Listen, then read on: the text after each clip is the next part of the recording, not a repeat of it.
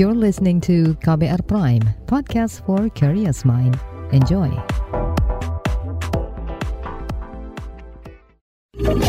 Kamu lagi dengerin What's Trending KBR Pagi.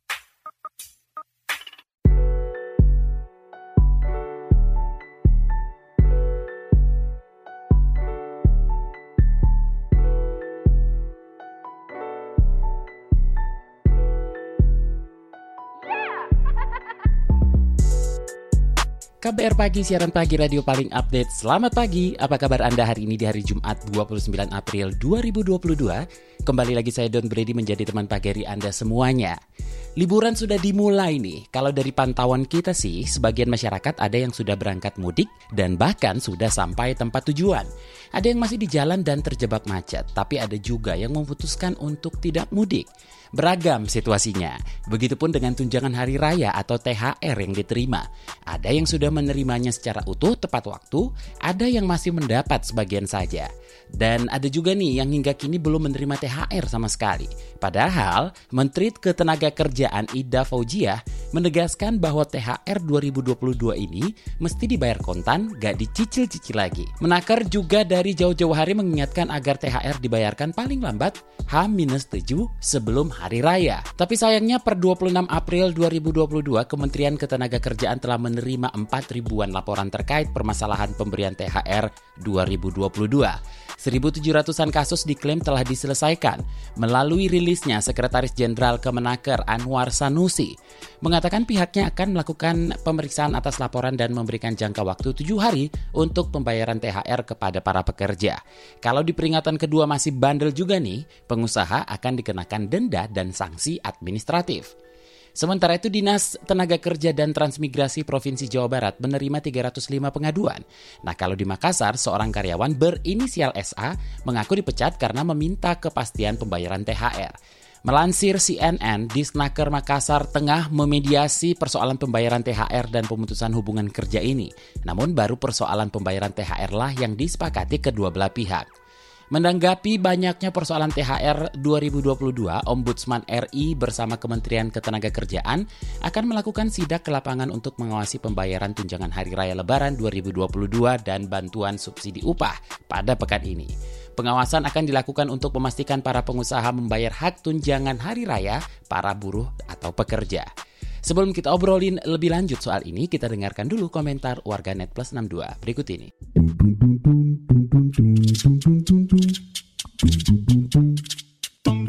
Ke komentar at justxx. Meja ruang tamu udah penuh sama kue-kue lebaran belum nih? Apa masih kosong? Lalu komentar at twinxx. THR belum cair deh. Lalu lanjut ke at ikixx. Kemenaker mana sih? Katanya udah bisa lapor ke posko THR atau konsultasi THR. Webnya error terus malah.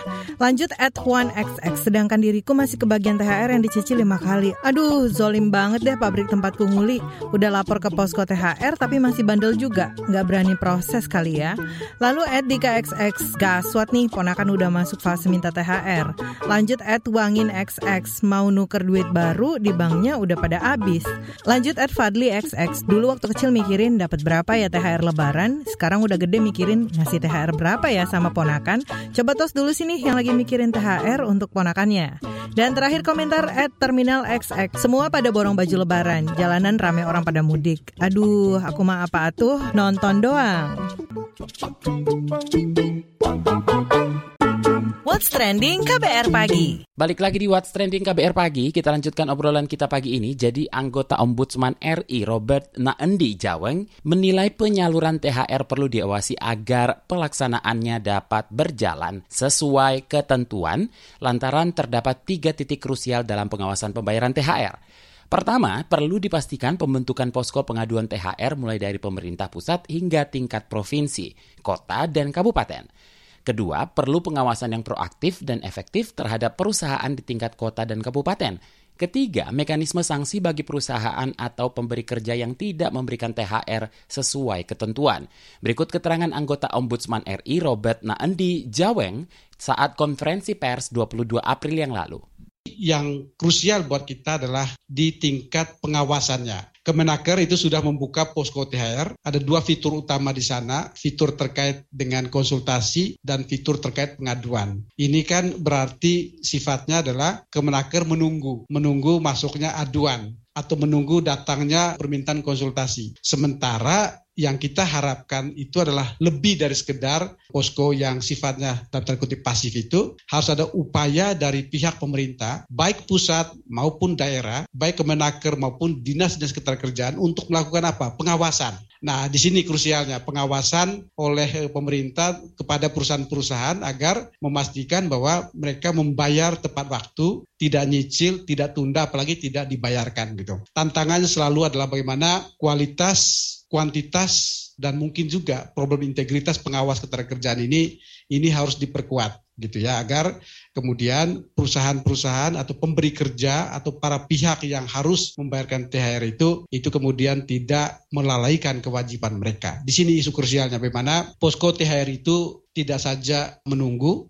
tidak saja pasif begitu ya datangnya laporan atau pengaduan atau permintaan konsultasi tapi juga harus dibarengi dengan tindakan aktif untuk jemput bola untuk mengawasi para pemberi kerja dan perusahaan-perusahaan yang itu eh, potensial. Nah, realisasi pembayaran THR lebaran 2022 tak sesuai harapan dialami oleh pekerja startup di Jakarta. Ayu, seperti apa situasinya kita tanyakan saja langsung. Hai Ayu, terima kasih sudah sharing ya. Jadi sudah menerima THR atau belum nih sampai saat ini? Sampai saat ini sih di cek M-Banking belum ada THR yang masuk ya ternyata. Dampaknya ya jadi menghambat untuk memberikan THR kepada orang tua juga. Dampak terlambat membeli baju lebaran, persiapan untuk menyambut hari raya dan yang lainnya gitu. Nah, sudah mencoba lapor ke posko THR Kemenaker? Kalau sudah bagaimana? Kalau belum kenapa? Kalau lapor sih belum ya, dan belum ada teman-teman yang lain yang lapor juga sih. Berhubung dengan perusahaannya perusahaan startup, karyawannya masih sedikit, jadi kita rada takut kalau ngelapor, terus nanti ketahuan gitu siapa yang ngelapor. Sebenarnya tahu sih posko THR ada, terus aturan di Snakernya juga kita udah tahu. Cuma ya balik lagi kayak gitu ya, dan takutnya nanti malah kalau ngelapor hubungan dengan bos jadi nggak baik. Adakah penjelasan atau kejelasan dari pengusaha terkait THR ini? Seperti apa alasan keterlambatan pembayaran THR? Sampai saat ini pihak HR timnya sama sekali nggak ada ngasih kejelasan ke kita sih. Sempat mereka sempat sounding kalau tanggal 20 bakal keluar THR tapi sekarang plus satu minggu dari tanggal 20 belum ada juga tuh THR yang masuk gitu bahkan hilalnya belum kelihatan nih. Sebenarnya kalau masalah finance di perusahaan kita terbuka banget ya balik lagi ke berhubung dengan ini perusahaan startup dan karyawannya masih belum banyak. Makanya kita semua hampir tahu lah gitu eh, tidak ada rahasia perusahaan. Cuman sepanjang yang kita tahu memang enggak eh, ada yang terhambat sih omset masih oke-oke aja. Udah sempat nanya belum kenapa telat atau kapan dibayar? Udah, udah pernah waktu bukber kemarin tanggal 26 itu bukber di seluruh utilitas perusahaan ya karena uh, kantor aku kan terdiri dari beberapa utilitas ya, ada beberapa perusahaan juga di dalamnya gitu. Jadi pas bukber kemarin kan banyak tuh jadinya semuanya dan itu sempat dibahas gitu. Hmm, cuman balik lagi ya dari pihak perusahaan sih menanggapnya dengan bercanda aja. Jadi kita bingung gitu. Tanggal 1 Mei kan hari buruh nih. Seperti apa harapan Anda?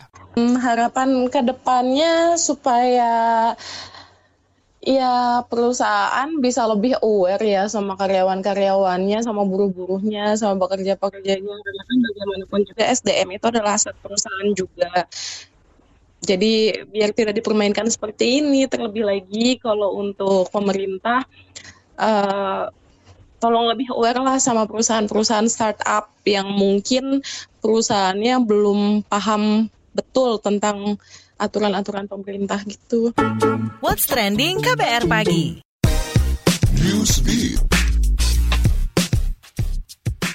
Melalui badan antariksanya, Tiongkok tengah membuat rencana penabrakan pesawat luar angkasa ke asteroid. Tiongkok mengklaim langkah ini diperlukan karena asteroid tersebut membahayakan kehidupan di bumi dan cara ini diklaim mampu mengubah orbitnya. Wakil Direktur Administrasi Luar Angkasa Tiongkok, Wu Yanhua, mengungkap misi penabrakan asteroid ini akan dilaksanakan pada empat tahun ke depan. Saat ini rencana tersebut dikabarkan masih di tahap awal dan perlu persetujuan resmi, sehingga Tiongkok sendiri belum menentukan asteroid mana yang akan ditabrak.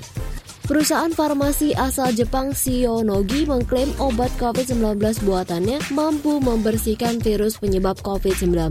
Berdasarkan sebuah eksperimen pengobatan, obat yang diberi nama S217622 menunjukkan pembersihan cepat virus tersebut. Saat ini regulator Jepang tengah melakukan evaluasi terhadap pil antivirus tersebut. Shionogi mengatakan pihaknya terus mengembangkan obat COVID-19 ini karena permintaan global yang tinggi. Obat ini diklaim bisa bisa mengobati 12 gejala COVID-19, khususnya gejala pernapasan dan demam.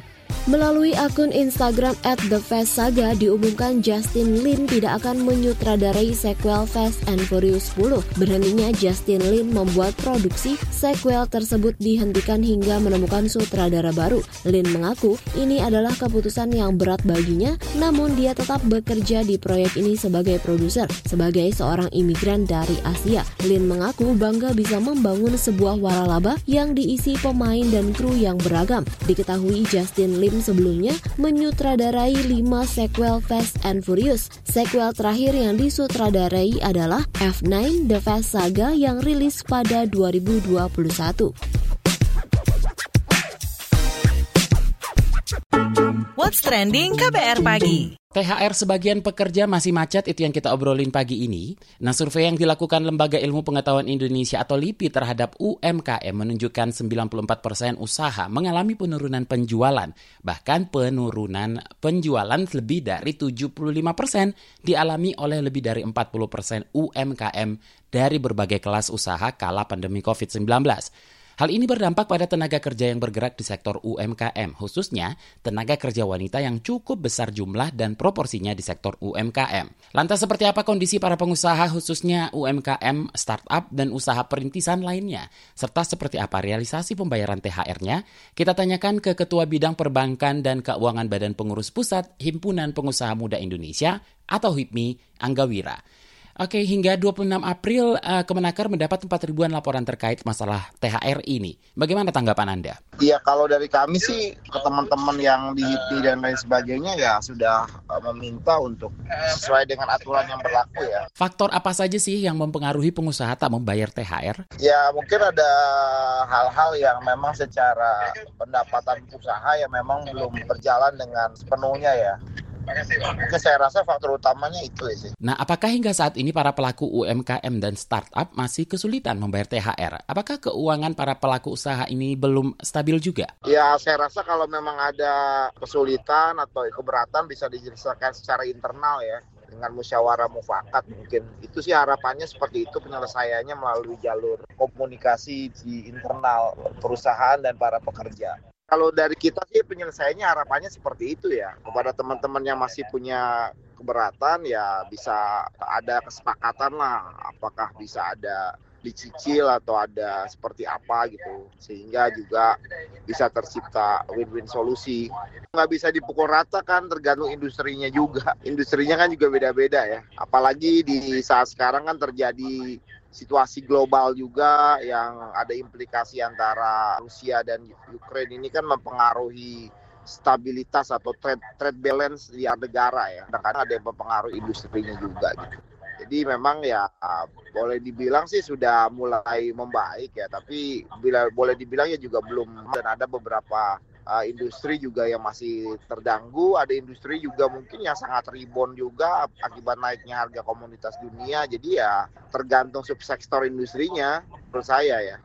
Ya kalau balik keuangan juga artinya kan nggak bisa langsung rebound begitu, pasti ada beban-beban utang yang kemarin yang terpending yang harus dibereskan gitu-gitu kan. Nah itu kan juga tentunya cash flow-nya kan juga ada skala prioritas kan yang mana yang mana kan. Sejauh ini seberapa efektif posko THR untuk menengahi para pengusaha dan pekerja terkait masalah tunjangan hari raya? Nggak apa-apa, nggak masalah sih karena memang peran pemerintah kan menjadi mediator juga kalau memang ada hal-hal yang tidak bisa diselesaikan secara internal gitu. Saya rasa itu mekanisme yang memang sudah diatur dalam perundangan ya. Saya rasa pemerintah memutuskan hal sudah ada ukurannya, tapi juga boleh dibilang kan nggak bisa kita juga melihat secara uh, menyeluruh gitu kan. Ada industri tertentu yang yang tadi yang belum bisa bergerak secara uh, maksimum juga gitu. Mungkin pemulihan ini kan butuh waktu 1 sampai dua tahun ke depan lah baru benar-benar bisa dikatakan stabil kan. Itu juga kalau nggak ada covid lagi balik lagi kan. Kita nggak tahu kayak di China aja kan sekarang situasinya juga lagi lockdown kembali kan gitu. Jadi sangat agile lah gitu. Ditambah lagi dengan kondisi itu, kondisi trade balance global ya yang menyebabkan beberapa harga komoditas ini kan nggak bisa diprediksi melonjaknya. Ini juga bisa uh, membuat ketidakseimbangan di Indonesia juga gitu. Oke, solusi seperti apa yang diharapkan para pengusaha, khususnya rintisan terkait masalah THR ini? Saya rasa kan prosesnya kan juga tidak ujuk-ujuk ada sanksi atau ada teguran atau apa ya mudah-mudahan sih dari pengalaman kita selama ini bisa tercipta suatu kesepahaman lah gitu. Karena kan saya rasa antar pengusaha dan pekerja ini kan saling melengkapi ya, bukan berarti pengusaha bisa jalan sendiri tanpa pekerja dan pekerja juga bisa jalan sendiri tanpa pengusaha. Jadi sebagai tim lah. Jadi mudah-mudahan sih saya lihat juga beberapa waktu ketika kemarin juga COVID gitu kan situasi internal tidak baik ya para pekerja juga mengerti gitu loh. Ada hal-hal yang mungkin harus dipending, dicicil gitu loh. Tahun lalu juga di perusahaan kami juga melakukan hal itu, tapi alhamdulillah bisa diselesaikan secara internal gitu loh. Nah itu kan, ya saya rasa kita ciptakan win-win solusi lah kalau sebelum sampai nanti mungkin ada hal-hal yang eh, secara formal menempuh ditempuh ya itu kan ada proses-prosesnya juga. Baik, terima kasih Ketua Bidang Perbankan dan Keuangan Badan Pengurus Pusat Himpunan Pengusaha Muda Indonesia, Angga Wira. What's trending KBR pagi? Commercial break. Commercial break.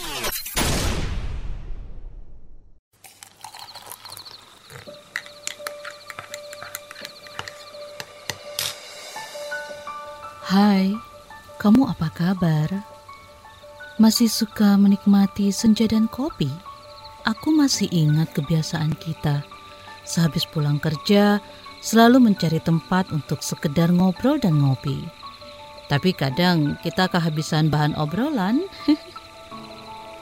Aku masih melakukan hal yang sama sampai sekarang tanpa harus takut habis bahan buat ngobrol karena aku selalu mendengarkan KBR sore dari Senin sampai Jumat jam 4 sore. Ah, aku rindu. KBR Inspiratif Terpercaya.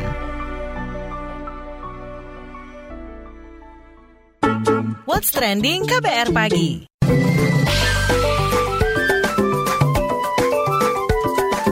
WhatsApp Indonesia. WhatsApp Indonesia dimulai dari Jakarta. Jelang Hari Raya Idul Fitri 1443 Hijriah, Menteri Pertanian atau Mentan Syahrul Yassin Limpo memastikan ketersediaan stok pangan mencukupi. Namun begitu, Syahrul mengungkapkan pasti akan ada dinamika harga menjelang Lebaran 2022. Namun stok 12 komoditas pangan diklaim masih aman. Gerakan pasar tani pun dilakukan untuk memastikan ketersediaan dan juga kestabilan 12 komoditas utama selama bulan Ramadan. Pasar tani bekerja sama dengan usaha mikro kecil dan menengah atau UMKM dan juga perusahaan penghasil 12 komoditas pangan utama Indonesia untuk menghadirkan stok pangan mulai dari sayuran, buah segar, daging sapi, daging ayam, beras, minyak, gula hingga produk olahan lainnya dengan harga yang lebih murah dari harga pasaran. Salah satu produk yang dijual adalah minyak goreng kemasan 2 liter seharga Rp30.000 yang menjadi incaran utama para pengunjung. Menteri Pertanian Syahrul Yassin Limpo mengatakan, hingga kini pemerintah terus mengupayakan kestabilan harga pangan di pasaran. Menuju Jawa Barat, Dinas Bina Marga dan Penataan Ruang Provinsi Jawa Barat mengklaim ada 34 jalur arteri perkotaan kapasitas tinggi siap digunakan pemudik di masa libur Lebaran 2022. Menurut Kepala Dinas Bina Marga dan Penataan Ruang Jawa Barat, Bambang Tirto Yuliono, jika mengacu kepada kapasitasnya, jalur mudik di provinsi itu akan dibagi menjadi tiga jalur. Kata dia, jalur utamanya adalah Pantura, Pansela, dan juga ada jalur tengah yang berpotensi untuk jalan arteri non-tol dan akan digunakan untuk mudik dan balik lebaran. Bambang Tirto Yuliono menjelaskan kondisi seluruh jalan arteri itu layak digunakan. Kata dia, ada 14 ruas jalan yang berpotensi dilalui pemudik di masa libur lebaran 2022. Bambang menambahkan jalur selatan Jawa Barat juga memadai untuk dilalui pemudik. Terakhir mampir Bali. Tahun ini Indonesia didapuk sebagai tuan rumah sejumlah event internasional bergengsi. Salah satunya adalah Global Platform for Disaster Risk Reduction atau GPDRR 2022. GPDRR 2022 rencananya berlangsung di Bali Nusa Dua Convention Center pada 23 hingga 28 Mei 2022. Acara dari Badan Perserikatan Bangsa-Bangsa atau PBB ini akan mendorong mitra global dalam memperkuat kolaborasi agar pulih bersama dari krisis khususnya dalam konteks perubahan iklim hingga penanganan pandemi COVID-19. Dengan kata lain, GPDRR akan menjadi ruang untuk meninjau kemajuan, berbagi pengetahuan, dan juga mendiskusikan perkembangan dan tren terbaru dalam upaya mengurangi risiko bencana. Menteri Pariwisata dan Ekonomi Kreatif Sandiaga Salahuddin Uno mengatakan, pemulihan sektor parekraf pasca pandemi COVID-19 merupakan prioritas utama Kemenparekraf dengan berlandaskan pilar inovasi, adaptasi, kolaborasi untuk menghadirkan kebijakan yang tepat sasaran, tepat manfaat, dan tepat waktu. Lebih lanjut, Menparekraf menjelaskan penyebab dan skala bencana berbeda-beda di berbagai daerah, sehingga bisa direspons dengan melihat tren atau cara baru dari berbagai negara yang dapat diadopsi atau dijadikan pedoman dalam menyusun rencana penanganan risiko bencana. Demikian WhatsApp Indonesia hari ini. Demikian KBR pagi hari ini. Jika Anda tertinggal siaran ini, Anda kembali bisa menyimaknya di podcast What's Trending yang ada di Spotify, kbrprime.id, dan di aplikasi mendengarkan podcast lainnya. Don Brady, undur diri. Have a nice day, have a nice weekend. Stay safe, bye-bye. Terima kasih ya sudah dengerin What's Trending KBR Pagi. KBR Prime, cara asik mendengar berita. KBR Prime, podcast for curious mind.